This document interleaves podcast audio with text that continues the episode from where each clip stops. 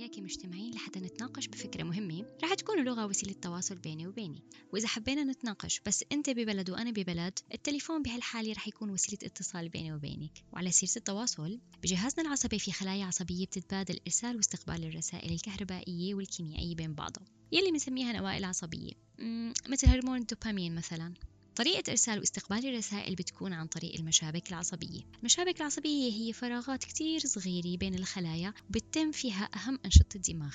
خلينا نشبه الأهل والأولاد بالخلايا. ونشبه السلوكيات بالنوائل العصبية وبهالحالة أدوات التربية والتواصل بين الأشخاص والعلاقات هن المشابك من هون اخترت اسم البودكاست مشابك نفسية يلي من خلاله رح أقدم فيه برنامج أدوات التربية ويلي من خلاله رح سلط الضوء على بعض جوانب الحياة الإنسانية للطفل بهدف تحويل البيئة المنزلية المشحونة بالصراعات والخلافات إلى بيئة أكثر هدوء باستخدام بعض أدوات التربية.